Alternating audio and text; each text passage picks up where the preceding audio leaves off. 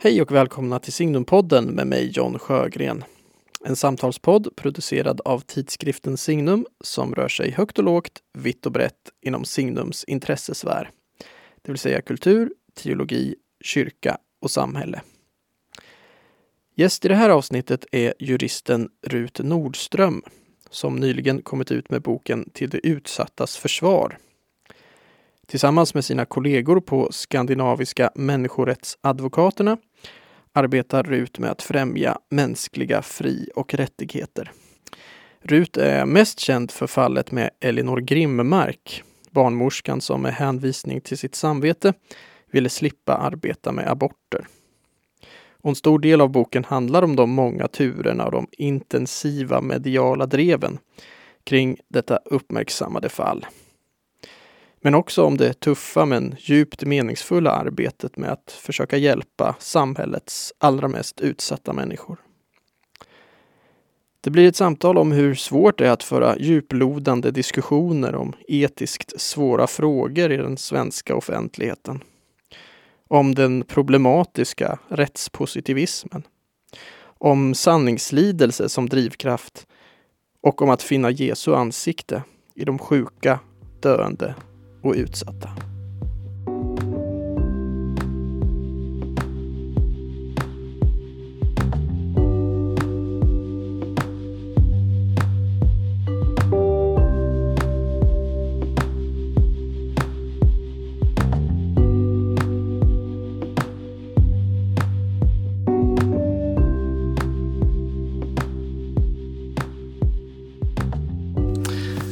Välkommen Rut Nordström till Signumpodden. Tack så jättemycket.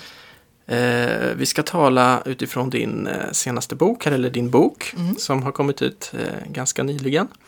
Eh, till de utsattas försvar. Mm. Och eh, jag kan bara börja med att säga lite hur liksom min upplevelse när jag läste boken. För den mm.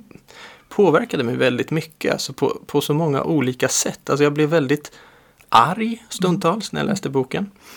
Eh, jag blev förtvivlad ibland när jag läste boken över allt.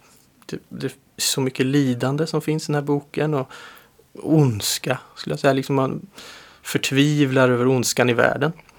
Eh, samtidigt blev jag oerhört upplyft av att läsa den också. Eh, när man läser om ert viktiga arbete som ni utför här på eh, människorättsadvokaterna.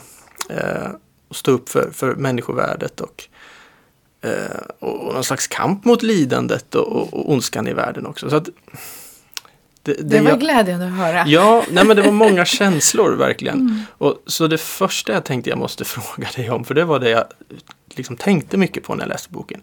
Hur, hur håller du ihop? Mm. Alltså för att det är bara så tufft att läsa om allt detta, men det här är din vardag. Hur, hur liksom håller man ihop? Mm.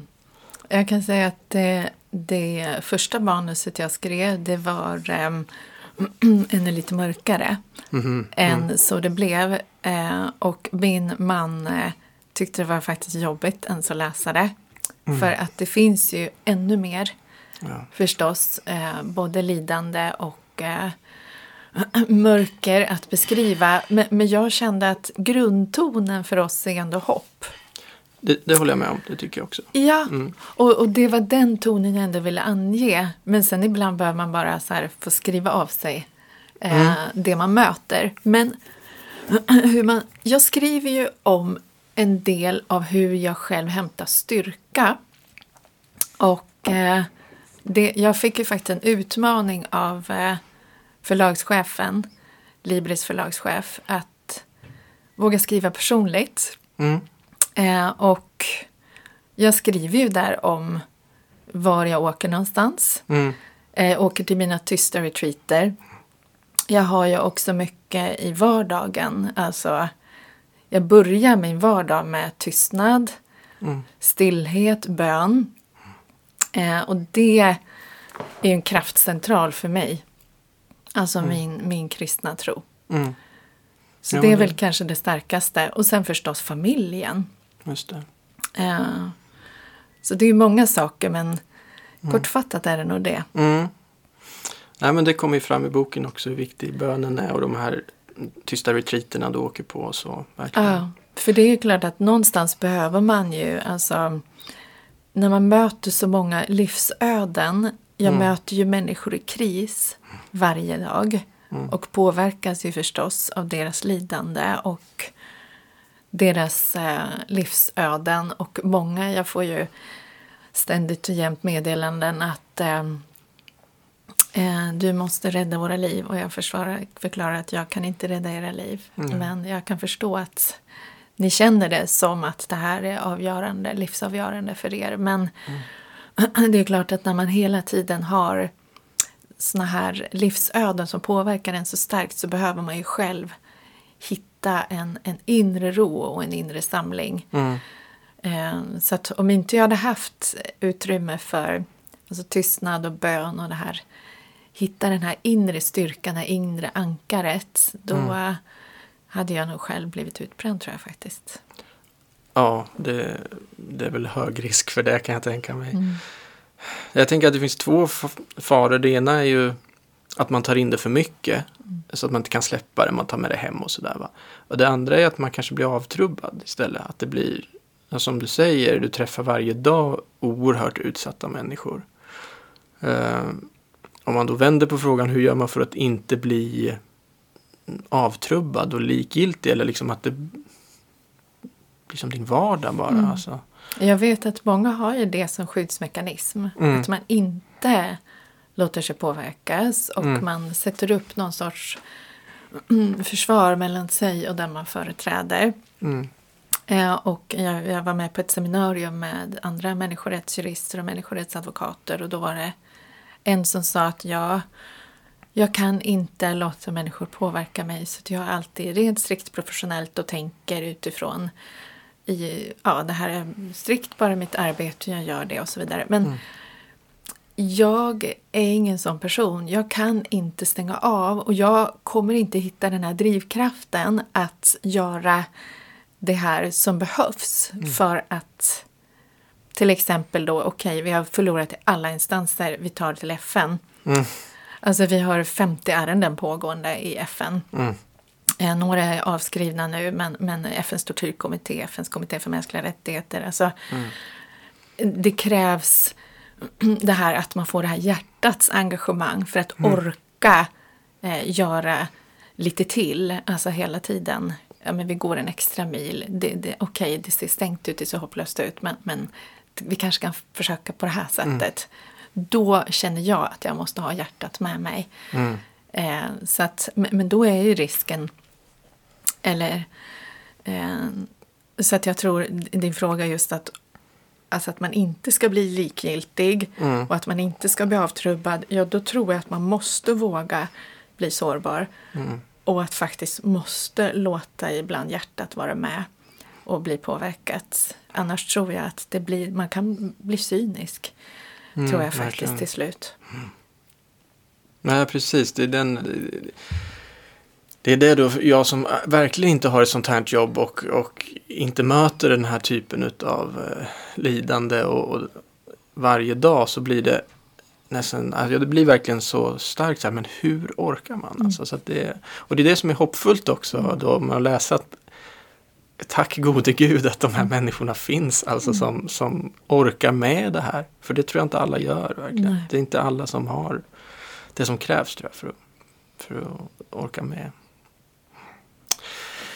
Eh, men en stor röd tråd i boken är ju såklart eh, det här fallet som du har blivit allra mest uppmärksammad för, Elinor Grimmark, eh, barnmorskan som då inte ville utföra aborter. Och den, hela det fallet är ju så utdraget, pågår väl fortfarande, är Mm. det ännu inte avslutat? Precis, vi Ja. har ju en resningsansökan i Europadomstolen. Just det, Mm. det är där det är nu. Mm. Sen ska processer i från 2013 till 2017, Mm. eh, fyra år. Och sen så var det tre år i Europadomstolen. Och Just sen det. fick vi besked då 2020 att de inte tar upp fallet. Men nu lämnade vi för ett år sedan in en resningsansökan. Just det, och då får man Mm. se vad som händer där. Mm. Mm. Men om vi tar det från början, när, eh, när träffar du Elinor första gången? Jag träffade henne på en presskonferens. Jaha. Ja, eh, jag hade inte träffat henne innan dess och eh, vi hade bara pratat i telefon. Eh, men jag kontaktade, vi kom i kontakt genom hennes man som. Mm. kontaktade mig på Messenger på Facebook. Och vi, jag visste inte vem de var, de visste inte vem, vem jag var. Men Elinor Grimmark hade ju då jobbat som sjuksköterska och utbildat sig till barnmorska och hade då praktiserat på några sjukhus och lovat sommarjobb och sen hade det då blivit problem. Hon hade hört av sig med en e-post och skrivit att bara så att ni vet, jag vill jobba med förlossning och inte utföra aborter. Men eh, då blev hon ju då uppringd av chefen och fick höra att hon aldrig då var välkommen tillbaka. Eh, så att, och, och då undrade han, vad gör vi? Får man göra så här juridiskt? Vad, vad är det som händer? Liksom, hon har blivit utlovad ett jobb, hon får inte det. Mm, det. Så att han kontaktade mig och han, han berättade att han hade bara suttit sig ner och googlat eh, kristna jurister Mm. eh, och eh, fått upp mitt namn. Och det hade jag skrivit redan om samvetsfrihet eh, i någon kristen vårdtidning. Mm, okej. Eh, han hade väl inte läst det men han hade fått mitt namn på något vis. Mm. Så att han kontaktade mig och sen, men Elinor hade jag då bara pratat telefon. Mm, Utan det var alltså när vi hade en presskonferens, jag tror att det var våren 2014. Stämningsansökan hade skickats in. Då träffade jag henne första gången. Så det var väldigt speciellt att jag, okej jag har tio minuter med min klient innan vi ska träffa, eh, liksom få kamerorna upptryckta i ansiktet från TV4 och SVT och Mm, Expressen. Och, ja, det var speciellt. just det. Eh, och du, du tog ju då det här fallet, alltså när du tog det, anade du eh, hur mycket uppmärksamhet och uppståndelse det skulle bli kring detta? Anade du att det var kontroversiellt överhuvudtaget? Ja, det gjorde jag väl på ett sätt. Mm. Jag hade ju jag hade ju inte en blekast aning. Nej. Nej, nej. Alltså det var ju... Och, och du vet, jag skrev ju om det i boken. Jag jobbade ju inte heltid. Nej. Jag var ju hemma med mina barn i ett föräldrakooperativ och försökte ha så här lugn och ro hemma. Och, och hade sagt upp mig från domstolen när jag jobbade. Och hade startat en ideell förening från scratch. Alltså det var ju... Det var inte så att jag hade massa resurser och, och direkt eh, ta mig an det här. Utan jag, I början gav jag ju mer råd att ja, men, kanske bra att ni anmäler till Diskrimineringsombudsmannen och Ja, det. lite mer så informellt liksom. Jag ville försöka hjälpa dem. Så att det var ju inte så att jag... Alltså det blir ju så absurt för att det har ju utmålats i media som att hon var handplockad och jag var liksom... Vi var ju i maskopi med någon sorts liksom stor massiv europeisk global kampanj. Alltså, Lobbyorganisationer som ni hade liksom satt in jättepengar för. Så. ja, det var ju precis tvärtom. Ja. ja, det är galet. Ja. Men kan du berätta om, för att det sätter ju igång verkligen där 2014, hela det här liksom drevet och som ju fortsätter i massa omgångar. Men vill du berätta lite om varför när man läser det, det är nästan surrealistiskt alltså. För du är precis i färd med att, eh, ja, du håller på att anordna en konferens om trafficking va? Precis. Uppsala universitet är, är inblandade bland annat och många internationella talare som ska komma. Och så, så kommer det här. Vill du berätta lite vad det är som händer där? Ja, det här var ju 2013. Då hade jag och Elise Lindqvist, Ängen på Malmskillnadsgatan, som ja, påven kallades för Sveriges moder Teresa. Mm, vi får återkomma till henne sen tror jag. Ja, det ska vi göra. Vi hade träffats och börjat sam samarbeta och ehm, hon arbetar ju mycket för de utsatta i prostitution och, och människohandel. Och vi bestämde oss för att vi skulle anordna en konferens på Uppsala universitet och det här pågick ju då åtminstone ett halvår med ganska minutiös planering. Eh, Och det var ju Europarådets rapportör mot våld mot kvinnor och prostitution, eh, José Mendes Bota, som skulle komma från Europarådet. Han hade precis släppt en rapport och där hade han varit i Sverige och träffat några av oss på en sån här fact-finding visit och vi hade bidragit till den här rapporten och den skulle släppas i Europarådet och den hade precis släppts och han skulle komma och presentera den här rapporten och hur man kunde samverka i Europa. Och eh, sen hade vi FN-förbundet eller FN-föreningen i Uppsala var med. Det var en stor internationell advokatbyrå och sen var det internationella talare då från, från hela Europa. Eh, och sen eh, kungahuset, drottning Silvia skulle komma. Mm. Eh, hon skulle ta emot det här människorättspriset som Elisa Lindqvist hade tagit emot tidigare och nu satt hon i priskommittén. Och allt flöt på. Eh, och jag var ansvarig för programmet och hade ju kontakt med alla talare och det var mycket planering och vi träffade Uppsala universitet ett flertal tillfällen. Men sen var det då tre dagar, nu ska vi se, på fredagen. Konferensen skulle ägt rum onsdag den 15 oktober. Jag kommer ju aldrig glömma det här hela Mhm. mitt liv. Fredagen innan så får jag ett samtal. Jag sitter här på kontoret. Mm. Får ett samtal från en person som är verksam inom FN. Som säger till mig att eh, jag har fått uppgifter om att Aftonbladet kommer publicera en ledarartikel om dig. Och den kommer leda till att hela konferensen kommer ställas in. Eh, och, ehm, eh, och jag blir bara så här, du vet, kallsvettig och bara Mm. Har jobbat för det här så What? länge. Då. Ja men precis, vad menar du? Och det kan ju inte hända. Eh, men sen är det ju precis det som händer. Mm.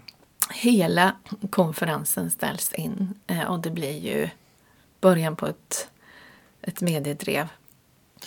Ja.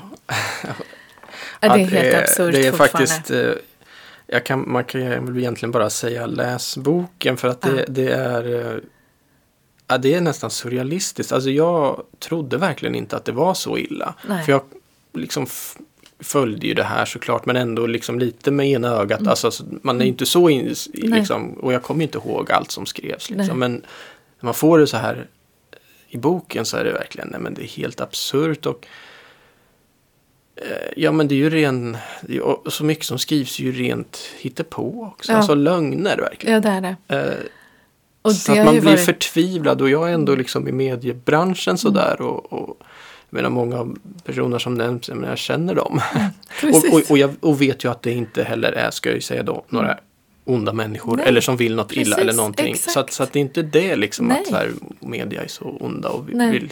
Utan det är bara det här, det, ja, man blir förtvivlad att det ska behöva vara så här. Mm. Och som då- sagt, jag hade ju skrivit ännu mer i mitt första manus. Ja, just Hur det. det var. Ja, ja, jag förstår. Så där är det bara en bråkdel Just det. som jag tar upp i boken. Ja. ja, men det är verkligen ledsamt att läsa. Men vad är din... Och, och då ska man ju säga så här, det är ju... Du är ens en gång inte någon som går ut och liksom säger jag är emot abort eller så. Utan du företräder egentligen bara en person som vill ha valmöjligheten att inte behöva utföra aborter. Precis. Alltså det... det Jag skriver ju det hade Varför jag. är just det så kontroversiellt alltså? Jag skriver det, hade jag som advokat varit då försvarat en våldtäktsman eller mördare eller terrorist eller alltså Mm. jag tror faktiskt eh, helt ärligt, det hade aldrig hänt att en hel konferens om människohandel hade ställts in. Nej, för då är mer bara, ja men du gör ditt jobb som advokat och så Mm. Ja. kan, jag menar, Ja, och det gör man ju, även en Precis. terrorist måste ju ha en advokat. Ja, alltså, det är ju så det, det, så det ser ut Ja. och det är ju självklart. Rättssäkerheten Det är och hela rättssamhället. Visst, och det är ju något som råder en väldig konsensus om och, och, precis. och så ska, måste det ju vara. Men företräder man då någon som eh, vill hävda då sin samvetsfrihet att inte få utföra aborter så ja, nej, det är jättekonstigt Ja. alltså. Och din fråga varför det är så kontroversiellt. Jag försöker ju beröra det i Mm. boken och, och tar upp några saker som jag tror har bidragit till det. Mm. En sak är ju det här att det är ju ett sånt eh, sekulariserat samhälle Mm. och en sån okunskap. Eh, och jag tror, ja det är ju World Values Survey som, som visar att Sverige är en, världens näst mest sekulariserade land. Jag tror att det är Japan som är på första plats. Så att den här oförståelsen eh, för, för det här handlar ju om samvetsfrihet men också religionsfrihet. Och det här är ju grundat i hennes kristna tro. Eh, så att det, det är väl på något sätt att eh, och sen har du den här grundmurade konsensuskulturen. Mm. Och sen har man åsiktskorridoren som jag brukar definiera som det här destruktiva klimatet som gör att det har blivit Mm. väldigt svårt, ibland nästan omöjligt då att diskutera de här etiskt svåra frågorna Mm. offentligt utan att man då marginaliseras eller stigmatiseras på olika sätt eller Mm. fryses ut eller portas. Eh, Så att det, det är nog kanske eh, flera bidragande orsaker till det. Jo, men det tror jag. Jag tror du sätter fingret på, på många saker som stämmer där. Och jag tror ju, ja men om man tar det sek sekulära, sekulariseringen så jag tror att det handlar mycket om en oförmåga att i alla fall offentligt eh, diskutera svåra etiska frågor och svåra ska säga, filosofiska frågor. För att jag tror att det som eh, abortfrågan öppnar ju upp för de frågorna. Alltså, men vad är egentligen en människa då? Mm. Eh, och vad är människovärdet? Vad är det för någonting? Vad, vad är det som konstituerar ett människovärde? När börjar det då i så fall? Alltså det, den, det är liksom den stora frågan, vad är en människa? Det är det. Och eh, det, det är som att vi kan inte ta i de frågorna. Eh, och jag, jag tror att det, när det blir så oerhört hetskt då att man, nej men, får, rör inte aborträtten. Mm. Då, eh, det tror jag delvis är det för att man känner också att ja, men börjar vi prata om det så blir det väldigt, väldigt, väldigt svårt. Eh, väldigt fort. Om vi börjar prata på riktigt om det. Så Ja. därför är det, nej men rör inte vid det bara. Ta inte i det. Mm. Utan nu har vi den här lagen och då bara följer vi den och så pratar vi inte om det.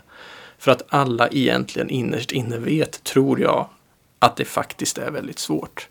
Och eh, jag menar, jag är katolik och så vidare, jag, är- jag är kritisk mot abort. Men jag har full förståelse att man kan hamna i en annan ståndpunkt. Alltså jag tycker det finns goda, goda argument för att man ska ha, tillåta abort.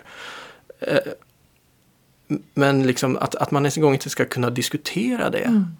är En så uppenbart oerhört svår fråga. Mm. Det är, liksom om, om jag tänker på det bara liksom helt neutralt så har jag så oerhört svårt att förstå vad, hur det har blivit så här. Mm. Och det är väl det jag tycker är, och det tar ju upp i boken just det här att vi ställde ju, eh, Sveriges Television eh, gjorde ju ett program som heter Domstolen. Mm.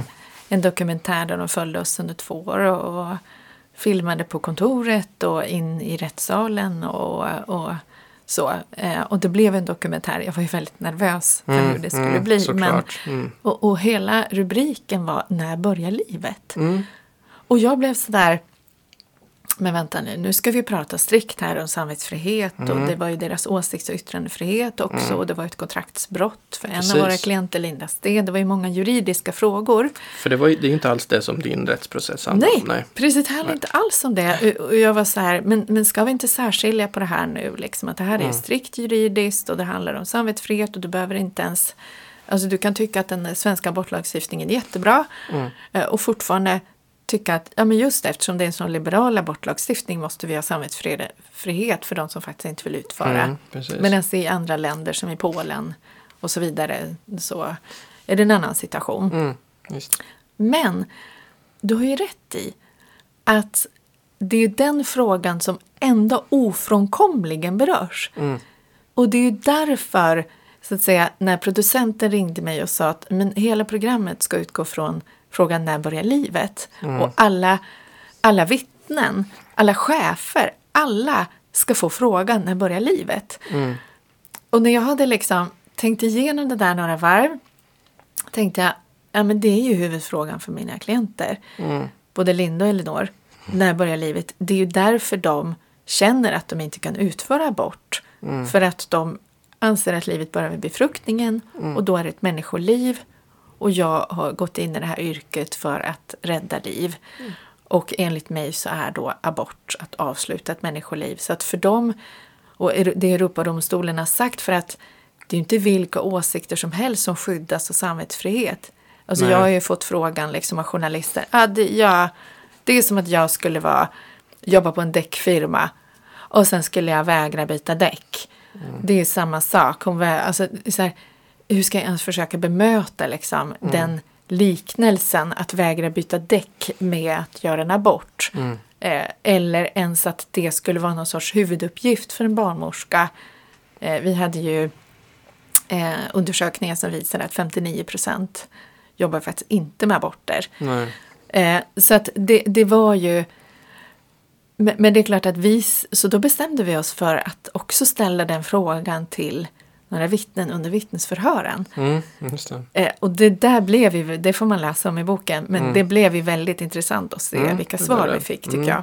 För just den här filosofiska svaren, Mm. och det är det jag har eftersökt och längtat efter att ha hederliga, intellektuella samtal, Mm. både om mänskliga rättigheter och rättighetsfrågorna, Mm. men också om de här djupare existentiella frågorna. Just. Och det har inte, alltså när vi har bjudit in till det så har man inte velat ta de hederliga intellektuella samtalen kring de här frågorna, tyvärr. Nej. Nej. Nej, men jag tror det finns någon slags oförmåga att tänka kring dem också. Att Mm. som, vi har tänkt eh, färdigt kring det. Eller man har inte tänkt kanske Mm. Nej. alls kring det så mycket. Det är mycket känslor som Det är mycket över. känslor, absolut. Och Mm. det kan man ju förstå också. Det är ju känsligt. Så Mm. det, men, Mm. mm. Just. Men det finns ju en, jag tror också, du är inne på det lite i, om vi ska ta det, liksom det juridiska här också, är ju att det finns en väldigt stark eh, liksom, rättspositivistisk Mm. Eh, hållning Mm.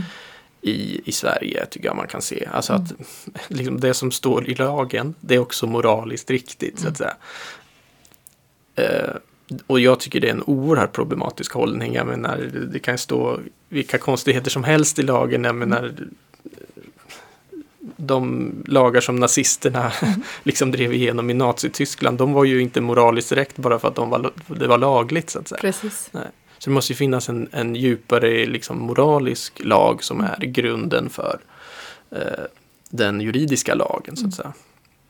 Eh, Eller, är- eller vad säger du om, om det som, Ja. som jurist så att säga? Och, och det skriver jag ju om i Mm. boken att jag hade ju eh, mycket eh, åsiktsutbyte med mina juristkamrater Mm. på juristlinjen om just det.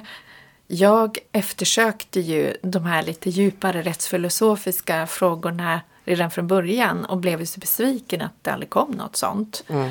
Eh, utan först mot slutet av utbildningen så börjar man diskutera lite mer allmän rättslära och rättsfilosofi. Mm. Där berör man det här väldigt, väldigt lite. Därför att som du säger, vi har en oerhört stark rättspositivistisk tradition i Sverige. Mm. Och hela Uppsala skolan, alltså det är väldigt grundmurat. Mm. Men de mänskliga rättigheterna kom ju till, alltså FNs deklaration kom 48, Europakonventionen kom 1950, just för att det här aldrig skulle få ske igen som hade hänt under andra världskriget. Mm. Och det är en kodifiering av naturrätten som jag ser det. Mm. Alltså att Ja, ja, visst. alla människor oavsett ska ha universella eh, rättigheter och det här människovärdet ska etableras i de här människorättskonventionerna. Att du har rättigheterna på grund av att du är människa och har ett inneboende människovärde. Mm. Inte för Men- att det står så i lagen. Eller, utan Nej, att, utan oavsett vilka lagar som Mm. ett land stiftar så ska du ha de här rättigheterna. Eh, Jag menar Wannsee-konferensen 1942 inför den här slutgiltiga lösningen, det var ju hälften var jurister. mm. Och, och de stiftade de här lagarna och det började med att ja, men, judarna skulle inte få gifta sig, de skulle inte vara medborgare Mm. och så vidare. Alltså, och sen så började man ändra på lagarna successivt och så allt var ju lagligt det som Mm. skedde. Så Ja, att, och är man strikt eh, rättspositivistisk Ja. så är ju det riktigt. Ja, då. visst. Alltså, Då är det moraliskt då, då är det riktigt. moraliskt, moraliskt riktigt att judar inte får gifta sig. Exakt. Eller, och så vidare. Ja. Precis, så att det är ju så absurt egentligen att vi inte har lärt mer av historien. Mm. Men i Sverige, alltså vi är inte många naturrättare om man säger så. Nej, det är ju inte det. Men jag tänker på juristutbildning, alltså det är lite... Det, det finns ju andra mm, så säga, traditioner i an, andra länder att man läser en kanske bredare humanistisk eh, bredare humanistiska ämnen och så. Va? Så det blir... Borde inte alla jurister få läsa lite Mm. filosofi? Är, så här, Jag tycker det. I Norge gör man ju det. Ett år man gör det? Mm. har man en grundutbildning där man även har filosofi. Eh, Och jag tycker ju att det kanske märks Mm. att man inte har det i Sverige. Att det är en stor, stor brist. Mm. För det blir ju mycket att man tänker utifrån det här rättspositivistiska och du har ju inte det här tänkandet då att det måste faktiskt spegla en högre moral eller Mm. någonting som är eh, alltså du har ingen, ingenting att spegla de här lagarna mot, om man säger. Ja, det tror jag är ett stort problem alltså. Ja, och, och det var så intressant. Jag har varit här på en, eh, en konferens i, i Bryssel om mänskliga rättigheter och samvetsfrihet och, Mm. och höra då kollegor från hela Europa. Eh, och där pratade man ju mycket utifrån det här, en universell moral.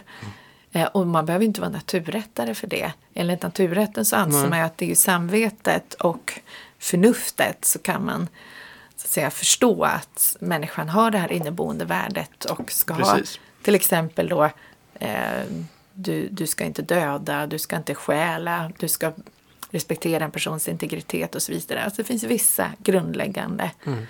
saker som, som man måste respektera. Och det är ju någonting, alltså då kan man prata om en universell moral. Mm. Oavsett vad man stiftar för lagar så är det här, det här ska gälla så att säga. Mm.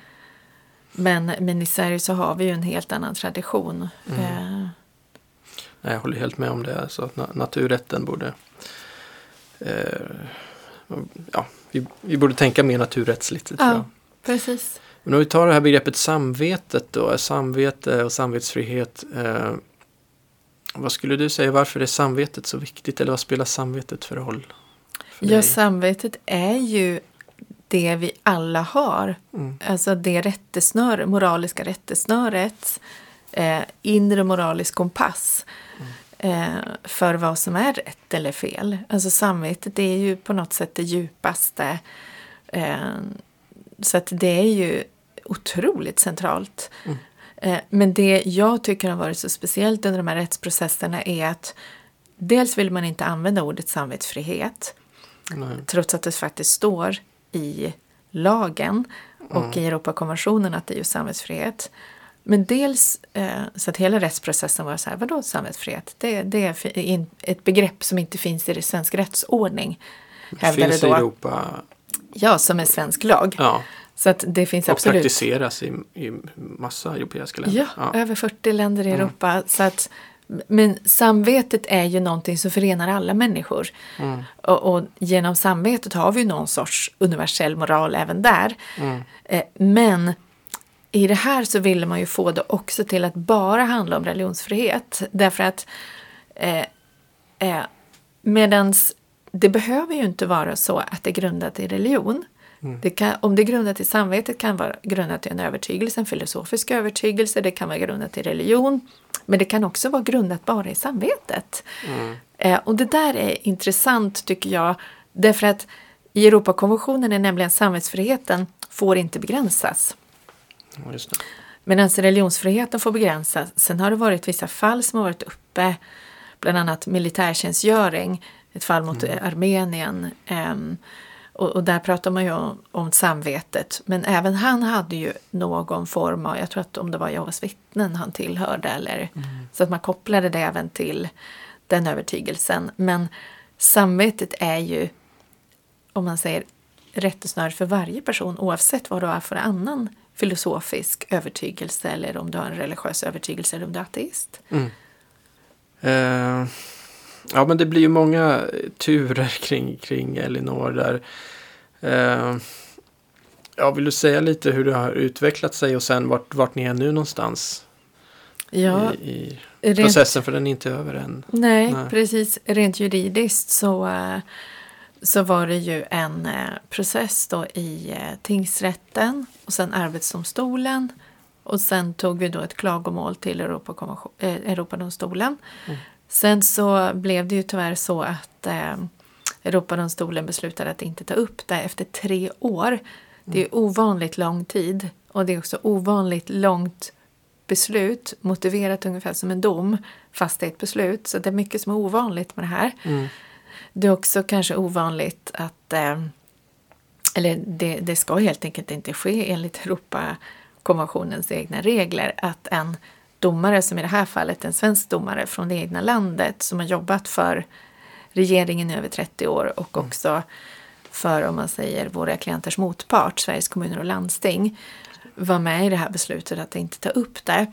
Eh, Så att vi anser ju att det borde inte heller varit en kommitté med tre personer som tog det här beslutet därför att det gör man i fall där det är väldigt simpelt, väldigt enkelt. Det finns redan massa praxis från Europadomstolen och det är en rättsfråga som inte är särskilt svår att avgöra. Alltså det är så många saker som talar för att Europadomstolen absolut skulle ha tagit upp det och det skulle ha varit en domare i en stor kommitté. Eh, och dessutom eh, skulle du ju inte haft en, en jävssituation som vi anser är det ganska Nej, just uppenbart. det, just det. Det fanns en representant för Sveriges Ja, eh, regering. Eller? Han hade jobbat för Sveriges regering. Eh, just det. så att, eh, och, och det är ju en problematik som vi lyfter. Det är helt annorlunda i FN till exempel. Där får man absolut inte vara med och fatta beslut mot det ena, egna landet. Mm. Eh, men här borde man ha gått tillväga på ett annat sätt. Så att vi har ju tagit upp många punkter i vår resningsansökan. Sen är ju det en på miljonen så att säga, chansen då. Men, men vi kände ändå att det, vi tycker att, att det här är så uppenbart. Eh, professor Reinhold Fahlbeck skrev, jag tror att det var i Sveriges juridiska tidskrift, eller jurid, jo, juridisk tidskrift tror jag, JT, att det här är en rättsskandal. Det är verkligen grund för resning. Han skrev det verkligen inte orden. Mhm. Nej, jag, nej, du citerar det i boken också. Ja, precis. Mm. Så att vi anser att det fanns ju, jag menar bara enligt den svenska abortlagen står det ju att bara läkare får utföra abort.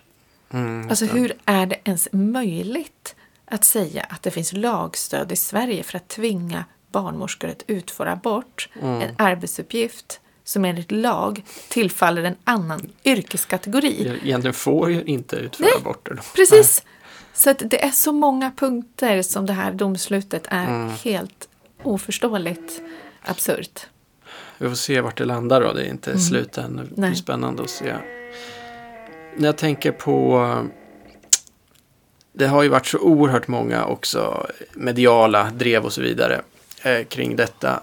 Eh, hur har du liksom hanterat det? Har, har du, känner du dig bränd liksom av, av media nu? Eller, eh, för det är ju eh, verkligen en röd tråd i boken, alltså dessa och det fars med så mycket osanning och, och, och när, när man läser det så, så känns det som att du har ändå ett oerhört driv att liksom eh, bjuda in journalister och säga nej men det här stämmer inte och hör av dig, men det där ni har skrivit det stämmer inte och det här och så bjuder du in, vi kommer och prata med oss och så vidare.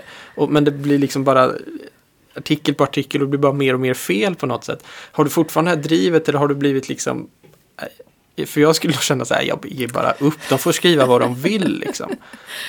Nej Eller- men alltså jag har det drivit kvar. Ja, Det måste jag säga. Alltså det, det är någonstans är det så här, sanningen måste komma fram. mm, Och hade jag inte haft kvar det drivet hade jag aldrig orkat skriva den här boken. nej. Därför att det var faktiskt jättejobbigt att skriva den här boken. Mm, Det var riktigt jobbigt faktiskt. Mm. Eh, och jag var flera gånger, även när jag skulle lämna in så skrev jag nej, jag lämnar inte in den. Jag tar några veckor här och funderar. mm, Eh, och så väntade jag kanske fyra veckor till och sen tog jag flera vändor och under tiden var jag också sådär. Men alltså det, det, det är klart att det har tagit oerhört mycket på krafterna. mm, Har det gjort. Eh, att inte bara kämpa för alla utsatta klienter och använda tid och energi och kraft till det. Men också att eh, så att säga behöva hela tiden försöka då rätta till allting. Men det är just det här, alltså kampen för liksom rättvisa, för sanning mm, eh, som ändå driver mig framåt. Att, alltså, så det var ju en av orsakerna till att jag skrev boken. Att nej men, vi måste åtminstone, alltså sista ordet är inte sagt. Vi måste Nej. få presentera hur det är på riktigt. Sanningen kring det här måste ändå få komma Mm. fram. Det tyckte jag också var skönt när jag läste boken. Att det var bra att den boken finns. Ja. Så att nu kanske den inte den når alla som man vill att den ska nå. Nej. Det är inte säkert. Men då, det finns i alla fall. Nu Ja. finns din, din Ja. sida av saken finns Ja. nu på pränt. För att det var liksom det som fick ju aldrig komma fram. Liksom er sida, vad, vad, vad, vad ni egentligen gjorde. Precis. Eh, utan det var, var så oerhört frustrerande. Mm. Det blir frustrerande när man läser boken också. Det är som att liksom gå in i en vägg hela tiden. Liksom. Ja. Det, det gick, går liksom inte Nej. att komma fram med. Precis. med eh, Och, och så var det. det var, jag intervjuade människorättsadvokaten Brian Stevenson. mm, Eh, om just det här att möta väggen hela tiden. Mm. Eh, och han försvarar ju eh, dödsdömda fångar som sitter på Mhm. death row i USA. Mm. Eh, filmen Just Mercy gick ju på bio här eh, Mm. i somras och förra sommaren var det väl. Okej. Eh, en fantastisk film Mm. och han jobbade ju verkligen, jobbar ju hela tiden så att säga i uppförsbacke, i motstånd. Alltså, Mm. Du har en etablerad sanning som inte är sann. Alltså, det kommer fram bevis som visar att den här personen sitter oskyldigt dömd. Men hur ska jag kunna nå igenom hela den här rättsapparaten? Mm. Och hela tiden möter han ju på den här väggen att det är omöjligt. Alltså det är kört. Eh, och jag intervjuade honom och, och, och sa just, men alltså, jag känner igen mig i det här att, nej men alltså, men okej, vi möter väggen, ja men vi- gör ett hål i väggen. Okej, vi, vi tar en stege, vi klättrar över. Ja. Och så, Ja, så Alltså, känns det som sätt. att du jobbar också när man läser boken. Ja. Att man måste. Mm. Han jämförde ju med eh, Jeremia 20 och, och jag känner så väl igen det han skriver. Mm, There, there's a fire in my bones. Alltså Jeremia blir ju satt Mm. i gapstocken och han säger så här till Gud, nu orkar inte jag. Jag tänker inte ta ett enda ord till i min mun. Nu Mm. ger jag upp. Jag kastar in handduken. Nu är det kört. Jag orkar inte med det här längre. Mm. Eh, och så skriver, står det i Jeremia där hur eh, men sen blev det som en eld Mm. på insidan av mig och jag försökte stänga elden ute men jag kunde inte. Jag måste, jag måste säga måste. någonting. Mm. Precis, jag måste fortsätta. Och det är väl det där att den drivkraften finns ju där på insidan. Mm. Eh, då kan man inte lägga av. Nej. Nej, men det finns, det känner man i boken också. En annan anledning att jag tyckte att jag är glad att den här boken finns och att många ska läsa den är ju att det, eh, det visar så mycket annat ni gör. det är inte så att ni eh, sysslar med samvetsfrihet och eh, abortfrågor. Det är liksom verkligen inte så. Eh, utan allt, allt annat ni gör. Alltså, mm, om vi börjar med eh, det här då. Ehm, Elise Lindqvist. Mm. När träffade du henne första gången? Jag försökte komma på när jag träffade henne första gången. Jag är lite osäker på det. Min syster hade ju träffat henne kanske, ska vi säga, hennes barn är födda 2008. Mm. Eh, och då hade hon varit med några år i eh, hennes team på Malmskillnadsgatan. Men det var ju några år efter det som jag träffade henne. Och sen eh, så fick hon ju vårt människorättspris 2013. Just det. Så att innan dess någon gång var det ju som jag träffade henne. Mm.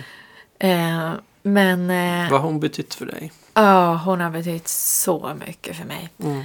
Eh, jag skriver ju det i början att hon är min hjälte och en stor förebild. Eh, dels så har hon det här drivet att aldrig, aldrig ge upp. Mm. Att hon eh, fortsätter i alla fall. Och, och jag brukar ofta tänka på det när jag, eh, när jag tycker någonting är jobbigt. Att okej, Elise hon var utsatt för sexuella övergrepp när hon var barn. Hon såldes i prostitution när hon var 16. Eh, hennes pappa försökte döda henne. Eh, hennes mamma stängde in henne i en garderob och sa att hon var ful och dum och efterbliven. Hennes lärare förgrep sig på henne. Alltså det, Det är så här obegripligt. Nej men alltså det är Mm. obegripligt hur en människa kan ta sig ur och sen då bli så utsatt för så fruktansvärt mycket våld och Mm. övergrepp under så många år. Sen tungt, tungt missbruk. Både av, eh, ja, av framförallt alkohol men också annat. Mm. Eh, och sen hade hon ju cancer två gånger och var ju på nära att dö. Och, hon hade ju en eh, sexköpare som höll på att skära halsen av henne. Alltså det, det är liksom, det är så ofattbart. Hon har tagit sig igenom det här.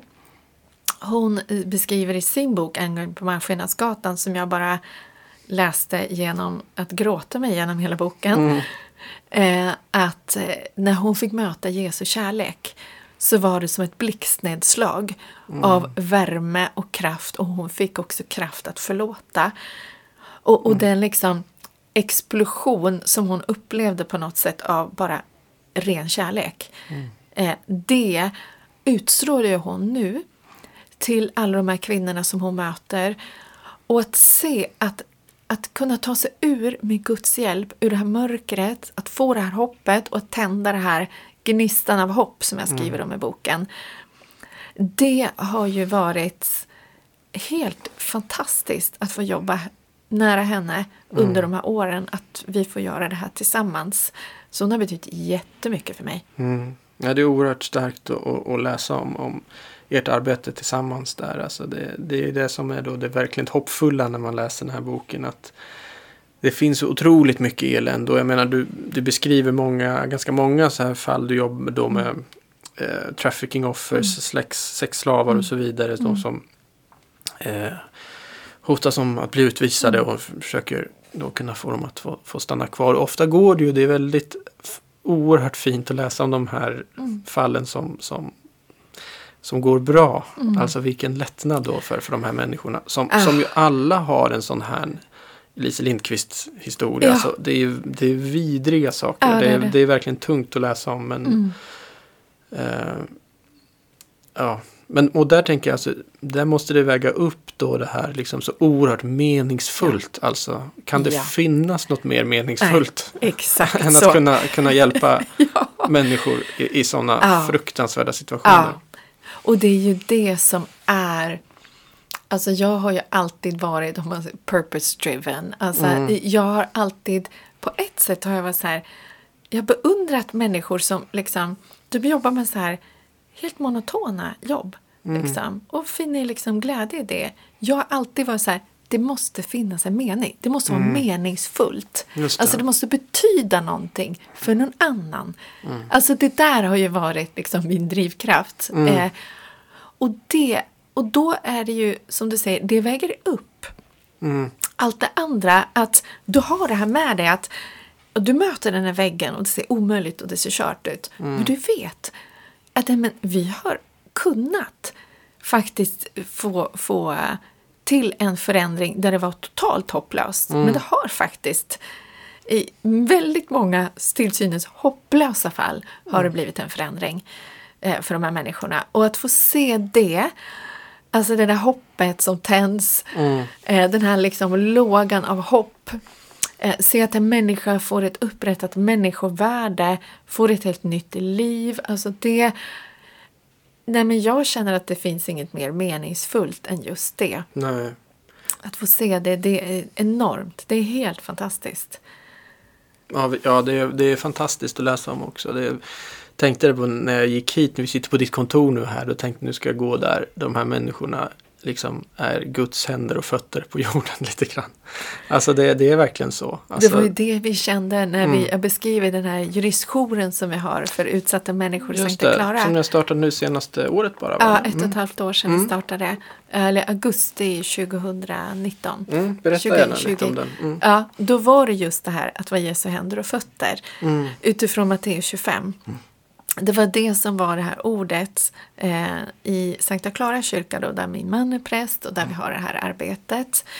Eh, där eh, första gången som vi startade igång då, augusti 2020 måste det ha varit, då, eh, ja för det är ett år sedan nu och några månader. Mm, ja. Eh, då Charbel, som han heter, som är då ansvarig för ungdomsarbetet och, och vaktmästare och håller i lärjungaskolan som den heter i Sankta Clara. Han läste Matteus 25 för oss att jag var hungrig och gav, ni gav mig att dricka. Jag var törstig. Eh, nej, jag var hungrig och ni gav mig att äta. Jag var törstig, ni gav mig att dricka. Jag var främling, ni tog emot mig. Jag var fattig, ni klädde mig. Jag var sjuk, ni besökte mig. Mm. Och då säger det, så här står att det hände på domens dag och um, mm, då säger de rättfärdiga, men när såg vi dig hungrig och törstig och främling? Och, och, då säger Jesus, det ni har gjort för en av dessa mina minsta har ni gjort för mig. Mm. Eh, och att då sa han, det är det vi gör här i Sankta Clara. Och då blev jag påmind om någonting Moder Teresa sa. Jag var och besökte Moder Teresas hem för de döende och sjuka i Kolkatas slum. Och då sa hon att hon letade efter Jesu ansikte i de sjuka och döende och utsatta människorna. Mm. Och hon, hon, såg Jesu ansikte i dem. Det. Och, och, det där var, jag, gjorde sånt otroligt djupt intryck på mig. När vi var då i Moder Teresas hem så var det det, nunnorna har ju fortsatt det arbetet. Mm. Och det man sa då i Sankta Clara kyrka att här får vi Jesus på besök mm. i bänkarna. Eh, och det där blir så levande för mig. Att eh, men det är faktiskt, vilken förmån att få, att få göra det. Eh, så att det är inte bara att vi får ge Jesu kärlek och vara Jesu händer och fötter. Förhoppningsvis får vi använda av Guds kärlek men också att vi faktiskt får se Jesus i dem som kommer. Det. Så det blev väldigt starkt för mig. Mm. Ja, vad fint. Vi kanske låter det bli avslutning här. Jag tycker det blev en fin avslutning. Mm. Ja, och det är det man hoppas att det ska få fortsätta vara så att vi Mm. får sprida hopp och, hopp och ljus. Och, och med att få se människors, alltså deras, just den här medmänskligheten, att människovärdet får lyftas. Det är Mm. min förhoppning. Fint. Tack Rut Nordström för att du gästade Signumpodden. Tack Jan. Och eh, tack alla ni som har lyssnat och lyssna gärna på oss igen i nästa avsnitt. Hej så länge.